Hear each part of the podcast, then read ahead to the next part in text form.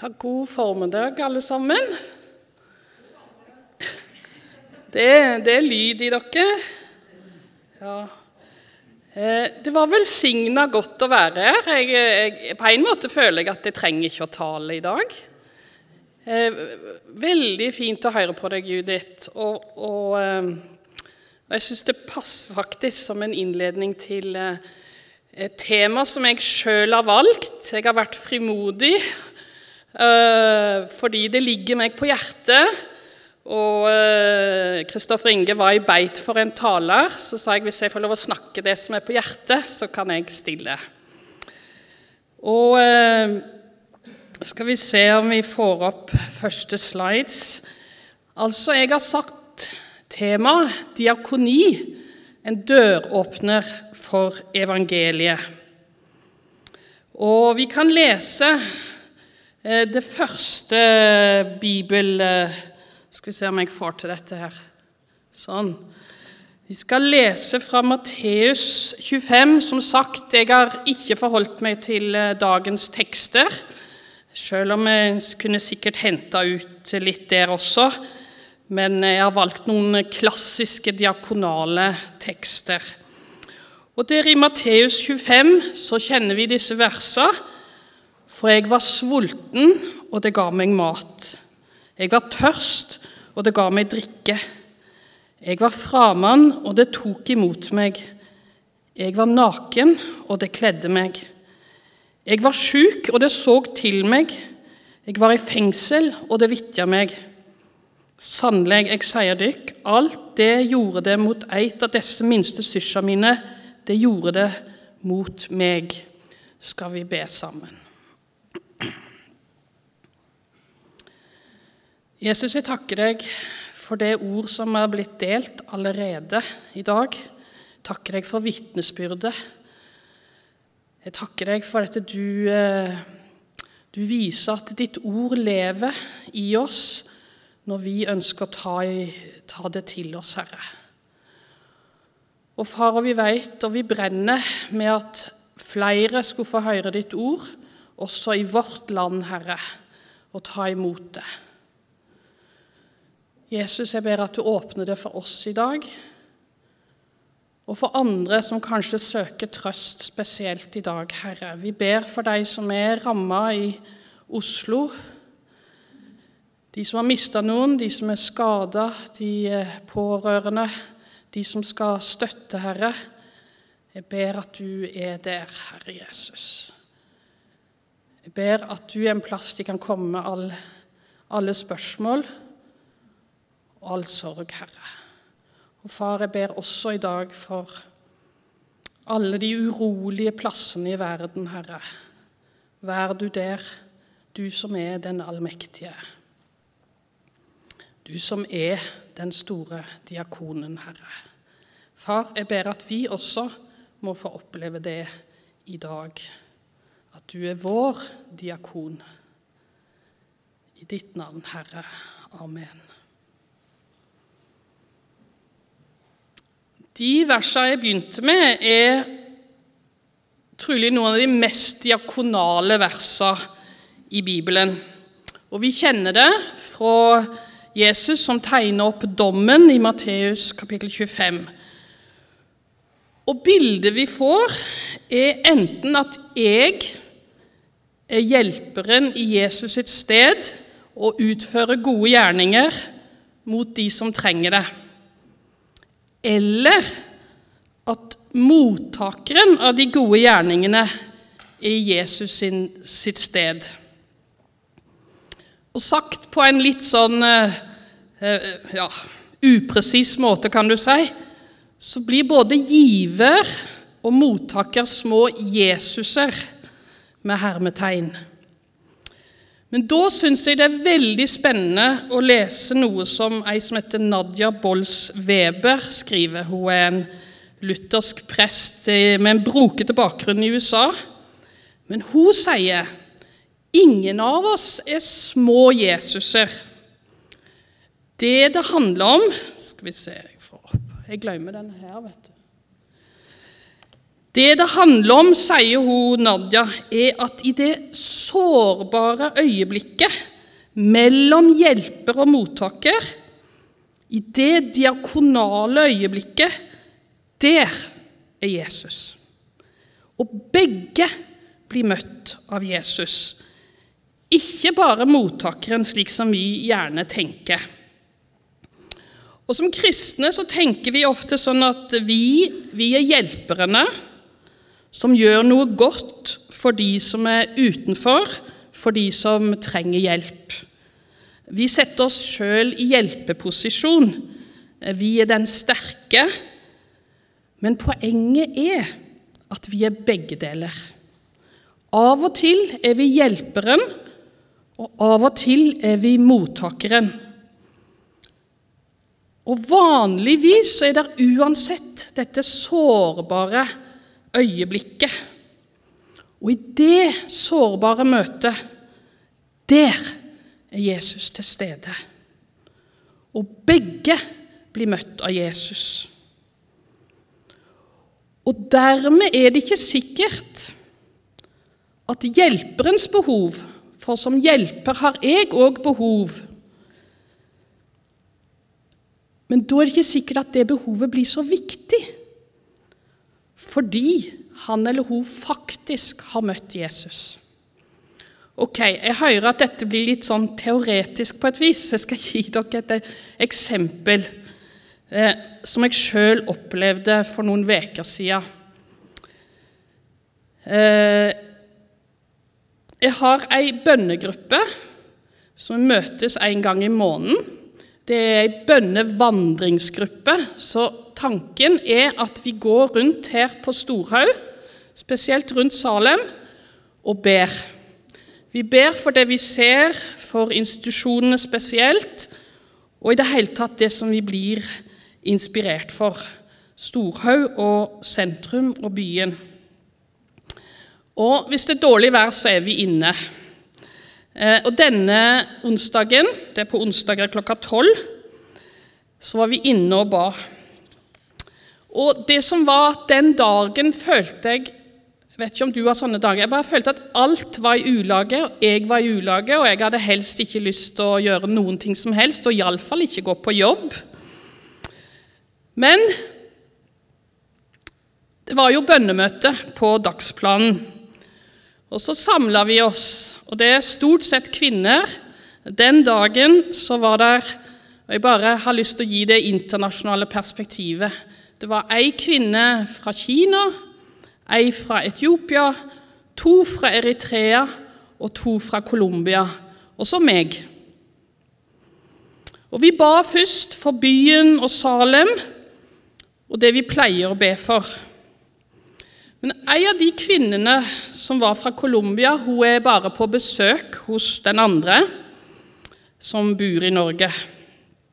Hun kan ikke norsk, hun forstår litt engelsk, men ellers så er det spansk. Og hun ville gjerne be, hun også. Så da ba hun på spansk for byen, for Salem, for oss. Og vi kjente at det var veldig velsigna. Den hellige ånd var der. Og Så fortsetter vi å be for det som eh, liksom er på en måte tema for det bønnemøtet der. Etter hvert så kjente jeg at vi skulle be for henne denne kvinna. Vi skulle velsigne henne. Og så sa jeg det, at nå skal vi velsigne hun kvinna fra Colombia. Og tolken sa at det trenger hun virkelig, for det er masse ting som skjer hjemme. Eh, både i landet og i hennes familie, uten å si masse om det. Og så ba jeg alle å løfte opp hendene, og så velsigne hun. Og vi ba veldig enkle velsignelsesbønner. Og vi kjente at Den hellige ånd var der. Han var til stede. Og så ble jeg minnet om Jesaja 43. Det sto veldig klart for meg, og at det var noen vers som jeg skulle gi til henne. Eh, og Så spurte jeg om hun hadde en spansk bibel, og så var det masse styr, som det pleier å være i sånne settinger. Å finne bibel og mobil og alt, og finne den rette plassen. For jeg ville gjerne at hun skulle lese det sjøl, så hun hørte det på sitt språk. Og så gjorde vi det. Jeg las på norsk først et vers, og så las hun det samme verset på spansk. Og der står det Jesaja 43.: Og nå så sier Herren som skapte deg, Jakob, som forma deg, Israel, vær ikke redd. For jeg har løst deg ut, jeg har kalla deg med navn, du er min. Går du gjennom vatn, er jeg med deg, gjennom elver skal det ikke fløyme over deg. Går du gjennom eld, skal du ikke svi deg, og lågen skal ikke brenne deg. For jeg er Herren din Gud, Israels hellige som frelser deg fordi du er dyrebar i mine øyne, høgt akta og elska av meg. Vær ikke redd, for jeg er med deg. Og Da begynte hun som las på spansk. Bare etter første verset så begynte tårene å trille, og mer og mer for hvert vers. Til slutt satt vi alle der, så er det den gruppa med folk fra hele verden så satt vi alle og gråt. For Jesus var der. Jesus møtte henne, men vi også ble møtt av Jesus. Det var ikke bare hun som hadde uttrykt et behov, som ble møtt. Vi ble alle møtt i det sårbare øyeblikket mellom hjelper og mottaker, for der var Jesus. Og så var det plutselig ikke viktig hvem som var hjelper og mottaker. Og jeg, jeg kjente meg så forandra, jeg som hadde vært i så ulage den dagen. Jeg hadde møtt Jesus. Og jeg kjente jeg bar med den velsignelsen i mange dager etterpå. Og jeg kjenner det fortsatt. Det er det sårbare øyeblikket, det diakonale øyeblikket der Jesus er.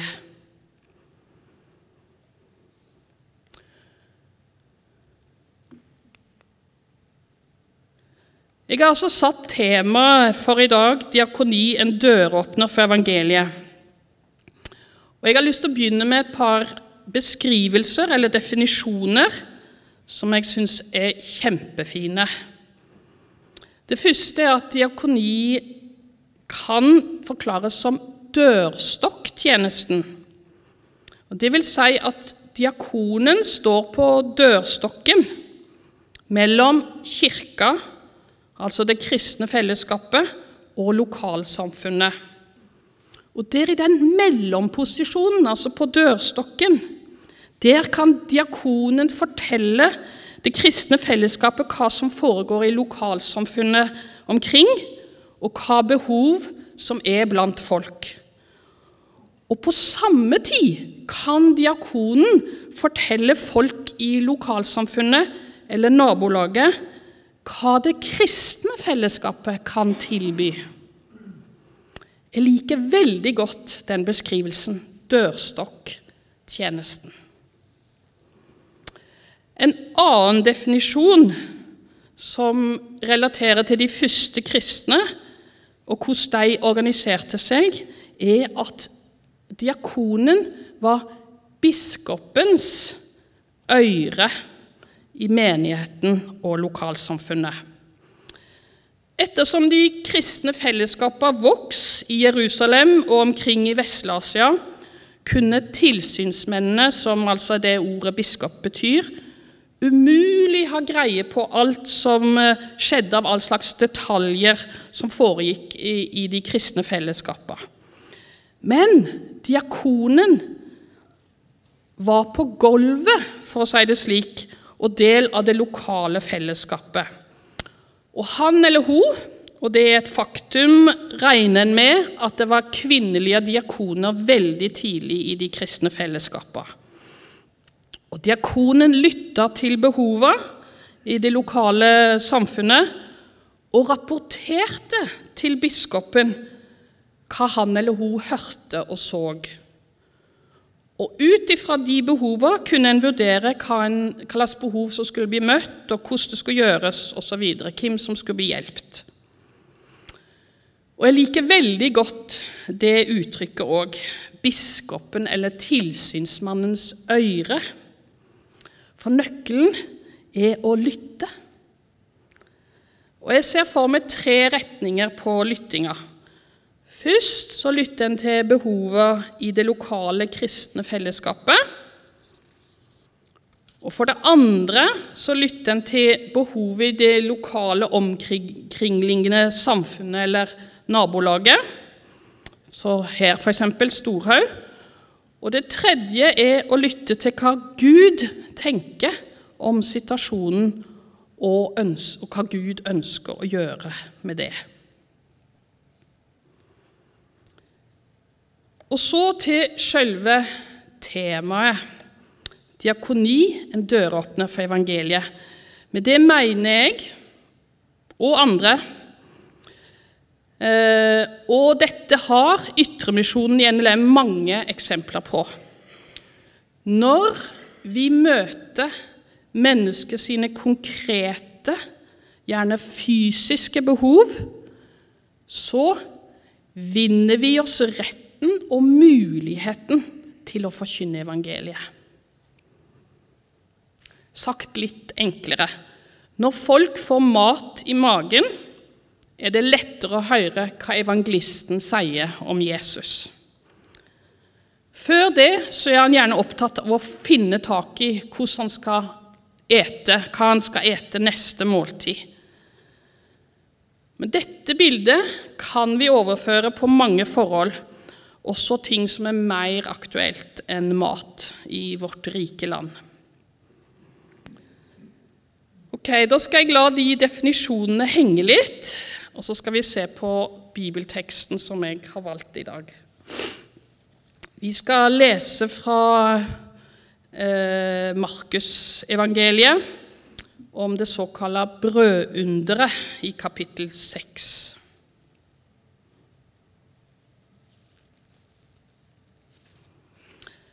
Apostlene samla seg atter hos Jesus og fortalte han om alt de hadde gjort, og alt de hadde lært folket. Da sa han til dem, kom, til meg, til en, kom med meg til en øde stad der dere kan være alene, og hvil dere litt. For det var så mange som kom og gikk at jeg fikk ikke tid til å ete engang. Så drog de ut med båten til en øde stad for å være for seg sjøl men mange så at de drog bort og kjente dem att. Og fra alle byene kom folk springende og nådde fram før dem. Da Jesus steg i land, fikk han se ei stor folkemengd. Han fikk inderlig medkjensle med dem, for det var som sauer uten gjeter, og han ga seg til å undervise dem om mange ting. Men da det lei langt på dag, kom læresveinene til han og sa:" Dette er en aus dag og dagen li, så send folket fra deg, så de kan gå bort til grendene og landsbyene her omkring og kjøpe seg noe å ete. Det skal gi dem mat, svarer Jesus. De sa, skal vi gå og kjøpe brød for 200 denarer, så de kan få seg mat? Hvor mange brød har det? spurte han. Gå og se etter. Da de hadde gjort det, sa de fem brød og to fisker. Da sa han at de skulle la alle sette seg sammen i matlag i det grønne gresset. Og de slo seg ned, rad på rad, somme på 100 og somme på 50. Så tok Jesus de fem brøda og de to fiskene, så opp mot himmelen og ba takkebønner, og han brøt brødet og ga det til læresveinene, så de skulle by rundt til folket. De to fiskene delte han òg ut, så alle fikk, og alle åt og ble mette. Etterpå samla de opp det som var att av brøda og fiskene, og det var tolv fulle korger. Det var 5000 menn som hadde fått mat.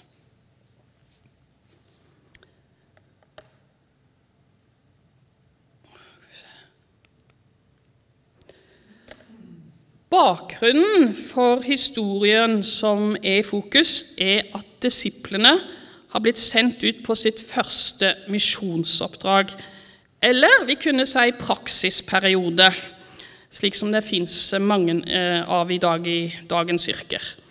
Og Nå skulle disiplene praktisere. De skulle sjøl sette ut i livet det de hadde lært og sett Jesus gjøre.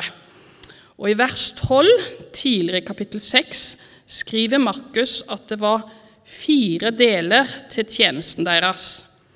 De gikk ut til folk, de forkynte omvendelse, de dreiv ut vonde ånder, og de lekte mange sjuke. Og tre av disse oppgavene var diakonale oppgaver og var lik den som Jesus gjorde. De gikk ut til folk der de var, de hjelpte dem med plagene deres, de gjorde folk friske, og så forkynte de Guds budskap idet folk fikk behovene sine møtt. Så innledningen i denne teksten så er disiplene tilbake hos Jesus etter praksisperioden sin. De er sprekkfulle av historier og erfaringer og ser fram til å fortelle Jesus om alt de har opplevd, og, og få tilbakemeldinger fra han. Men det er ikke råd. Folk kommer og går hele tida, og det er ikke matro engang, står det. Jesus foreslår at de skal prøve å lure seg vekk fra alt dette kjendishysteriet, så de kan få hvile seg litt og få litt mat og debrife, som vi sier i dag, sammen med Jesus.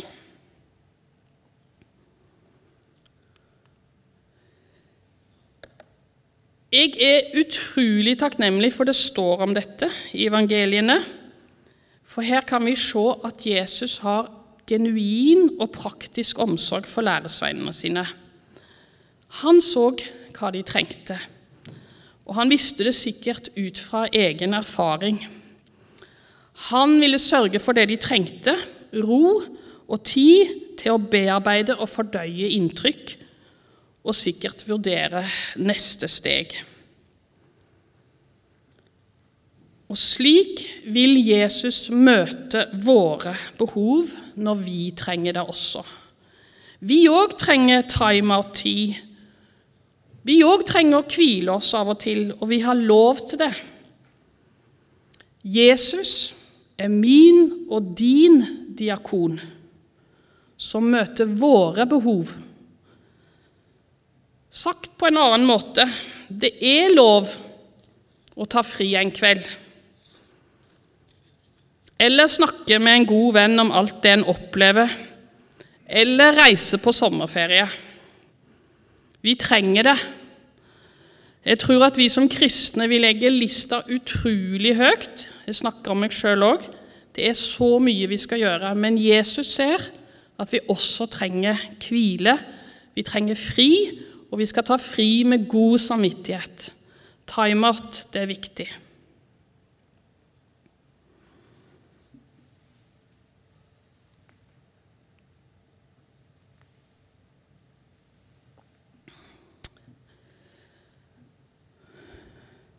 Men som vi ser i fortellinga, går det ikke helt som Jesus legger opp til. Det melder seg nye behov. Ifølge en eh, nytestamentlig professor, en som heter Tom Wright fra Skottland, var det i praksis ikke lett å trekke seg tilbake i Galilea. Det var et lite land, og det var svært mange landsbyer omkring Genesaretsjøen. De lå som perler på ei snor, som du kan se på kartet her. Og ifølge historikeren Josefus, som levde på den tida, så var det ca. 15 000 mennesker i hver av disse små byene rundt eh, Genesaretsjøen. Så hvis vi ser for oss at eh, læresveinene Jesus de drar fra vestsida over til Betzaida, eh, som ligger i nordøsthjørnet, så er det ikke mer enn snakk om 12-13 km stykket. Det skulle jo ikke være noe problem for alle fiskervennene til Jesus. Men som vi leser, når det kommer til den der timeout-tida, så skjer egentlig det bare på den sjølve den roturen over sjøen. For idet de siger inn mot Betsaida, så står folket der og venter på dem. De har fått eh, sett at de drog ut med båten og fått en peiling på hvor de drog, og så legger de ut til fots, går rundt Genesaretsjøen og finner de når de kommer i land. Jeg syns det er fascinerende å tenke på at nå har Jesus virka så lenge at det er en enorm tiltrekningskraft. Og også læresveinene har begynt å få erfare det. Folk vil ha mer av Jesus.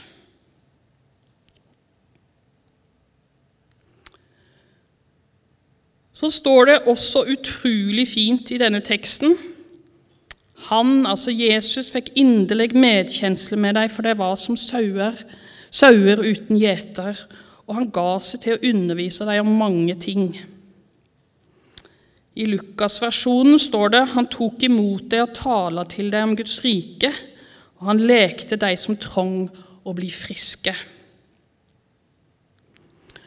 Så trass i at planen med eiertid, eller teamtid om du vil, gikk i vasken, så syns Jesus inderlig synd på folket. Og han møter både de fysiske og åndelige behova til folkemengda. Og I neste ledd av fortellinga får vi se at læresveinene viser omsorg for folket og får enda mer praksis i tjenesten sin. Her er de virkelig diakonos, som er altså det greske ordet for diakon, som betyr tjener. De er diakoner, akkurat slik Jesus er diakon. Det er faktisk det ordet Jesus bruker om seg sjøl. Han er en tjener, en diakon for folket.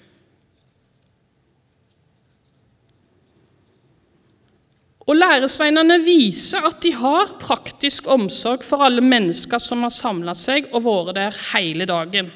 De foreslår at Jesus må gi dem sjanse til å gå bort i byene og kjøpe seg mat.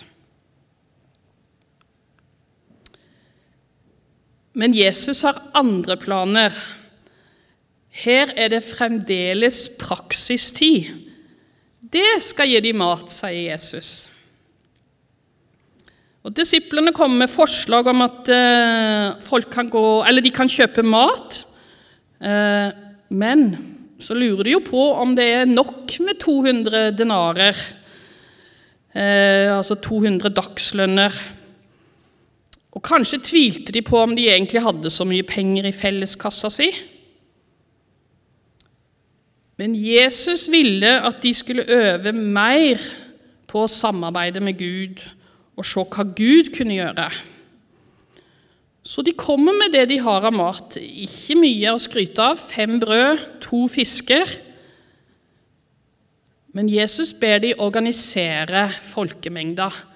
Og det er en typisk jobb for en diakon organisering.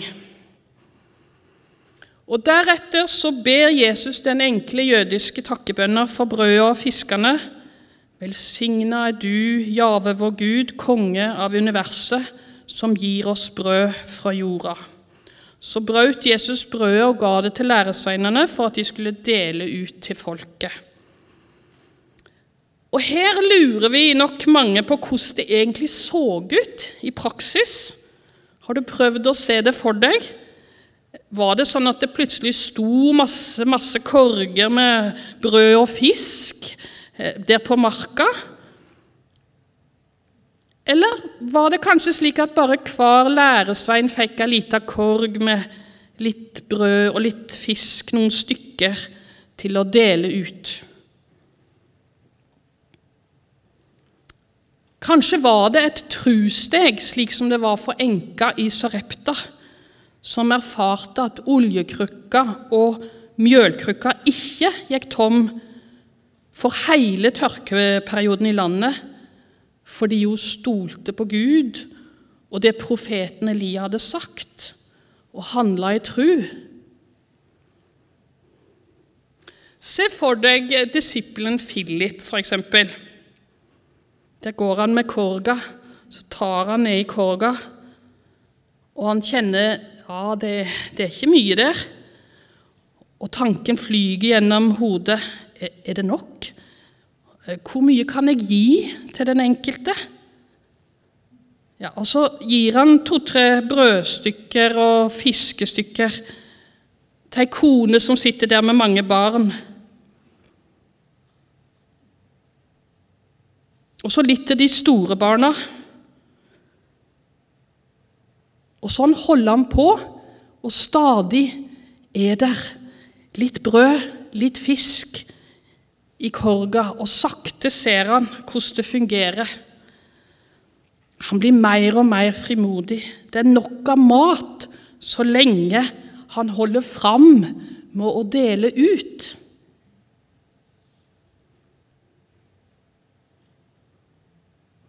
Vi vet ikke helt hvordan det var, men poenget er at Jesus gjorde et under.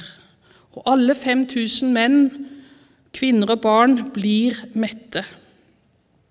Og I tillegg var det mat til overs, tolv korger. Og Så er det ett annet poeng i denne historien, og det er om læresveinene. De fikk øve seg på sine diakonale muskler, for å kalle det det.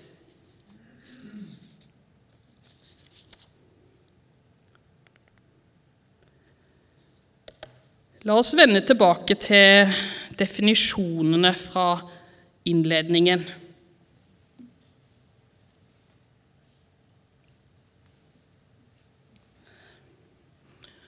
For det første dørstokktjenesten.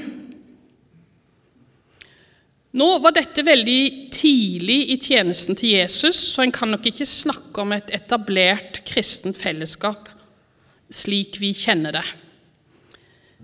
Men vi kan si at Jesus holdt på å etablere et fellesskap omkring seg sjøl, og at læreseinene var del av denne sirkelen omkring Jesus, og sammen med andre, eh, bl.a. noen kvinner.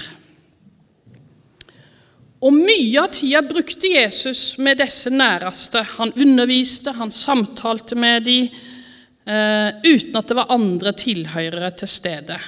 Men så var jo Jesus, som vi vet, ofte ute blant folk, og eh, både de og læresveinene og alle folka så og hørte hvordan Jesus gikk fram.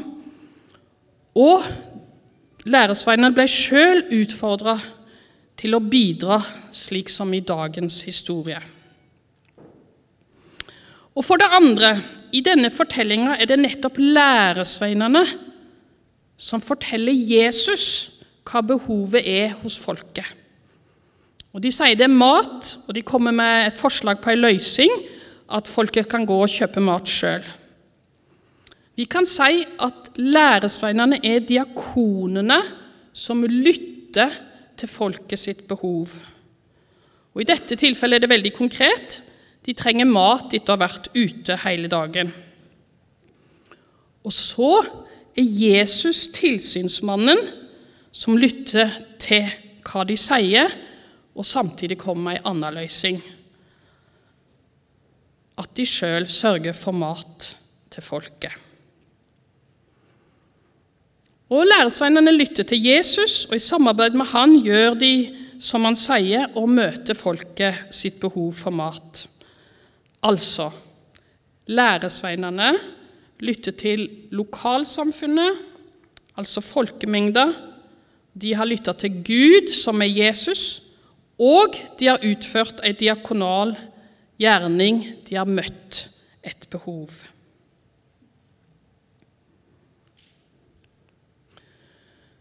Og her er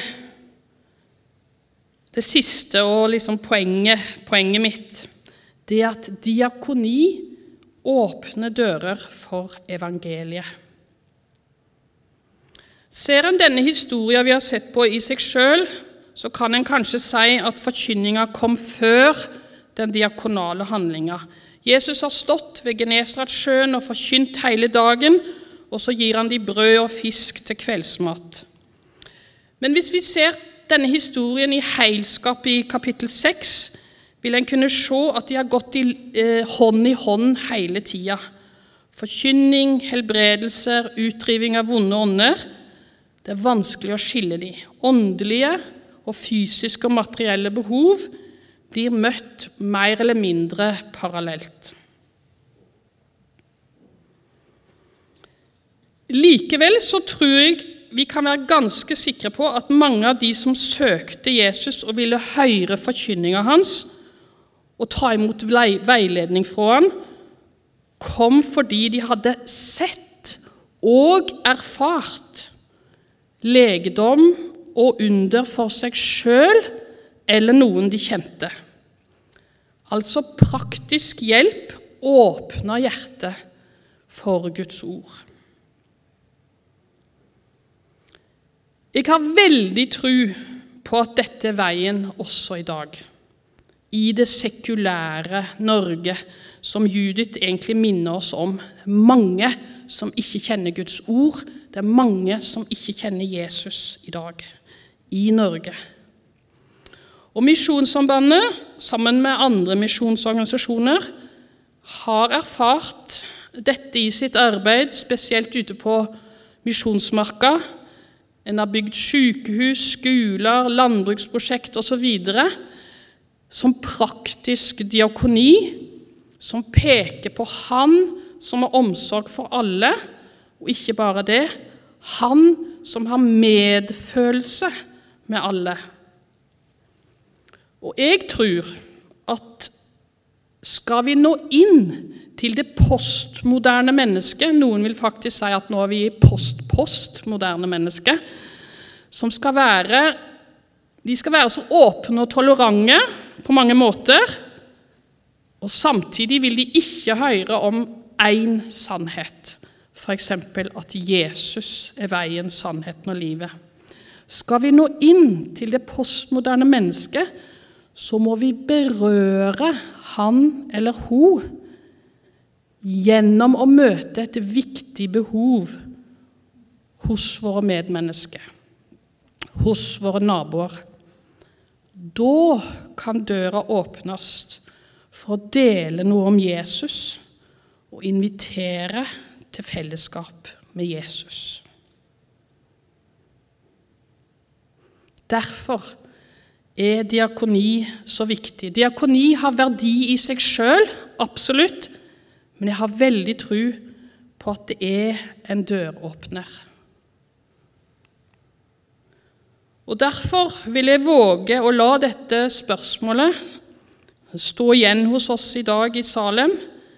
Jeg spør dette spørsmålet masse til meg sjøl og til oss i Salem. Hva er behovet i nabolaget mitt og ditt? Og hva er behovet for nabolaget til Salem, dette faktiske bygget? Hvem er de folka som bor rundt her, som lever og jobber her? Hva behov har de? Hvordan kan vi som fellesskap i Salem være med å møte noen av de behovene? Og hva tror du og jeg Jesus tenker om behovene rundt oss, og hvordan vi kan sammen møte noen av dem?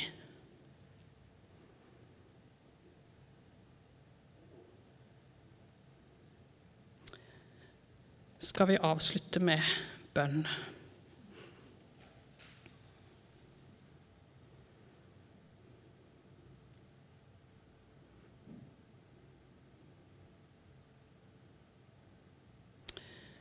Jesus, det er store spørsmål,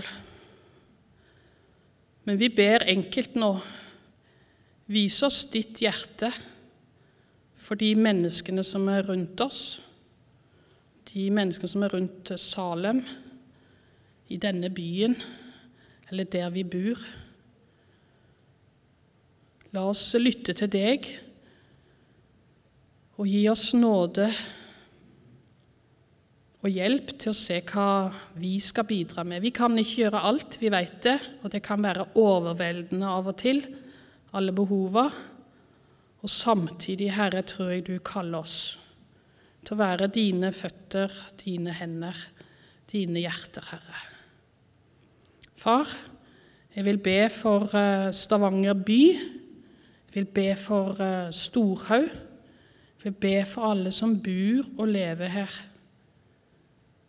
Herre, vi ønsker bare at de skal få høre om deg. De skal få hjelp til å leve livet sine, men også den hjelp som er viktigst, bli kjent med deg, få tilgivelse for sine synder og ha evig liv sammen med deg. Herre, gi oss stor nåde til å virke sammen med deg for at ditt rike skal bres ut også i det sekulære Norge, Herre. Herre, vi trenger at du kommer på nytt, slik som vi har hørt om vekkelsene før, fra Hauge og seinere mange ting, Herre, som har skjedd i denne byen. Mange bønner som har blitt bedt, mange som har brent og, og forkynt evangeliet, Herre. Jeg takker deg for alle de som har gått før oss, som har tjent, som har forkynt, som har vært på kne og bedt, Herre, som har kjempa på, Herre. Jeg takker deg for alle de, og nå minner jeg deg på det, alle bønner som har bedt, alt de har kjempa, alt de har grått. Herre, hjelp oss å følge i deres spor for vår tid, Herre, for den tida vi lever i. For Herre, jeg eh, tror at du har en ny tid og en ny på en måte, måte for vår generasjon. Du har nye måter fordi du ønsker at folk skal bli kjent med deg. Herre, det ønsker vi også. Hjelp oss å gå sammen med deg. Hjelp oss å stole på at du gir oss krefter og inspirasjon til å forkynne evangeliet i Norge i dag. Herre, jeg takker deg fordi du ikke glemmer oss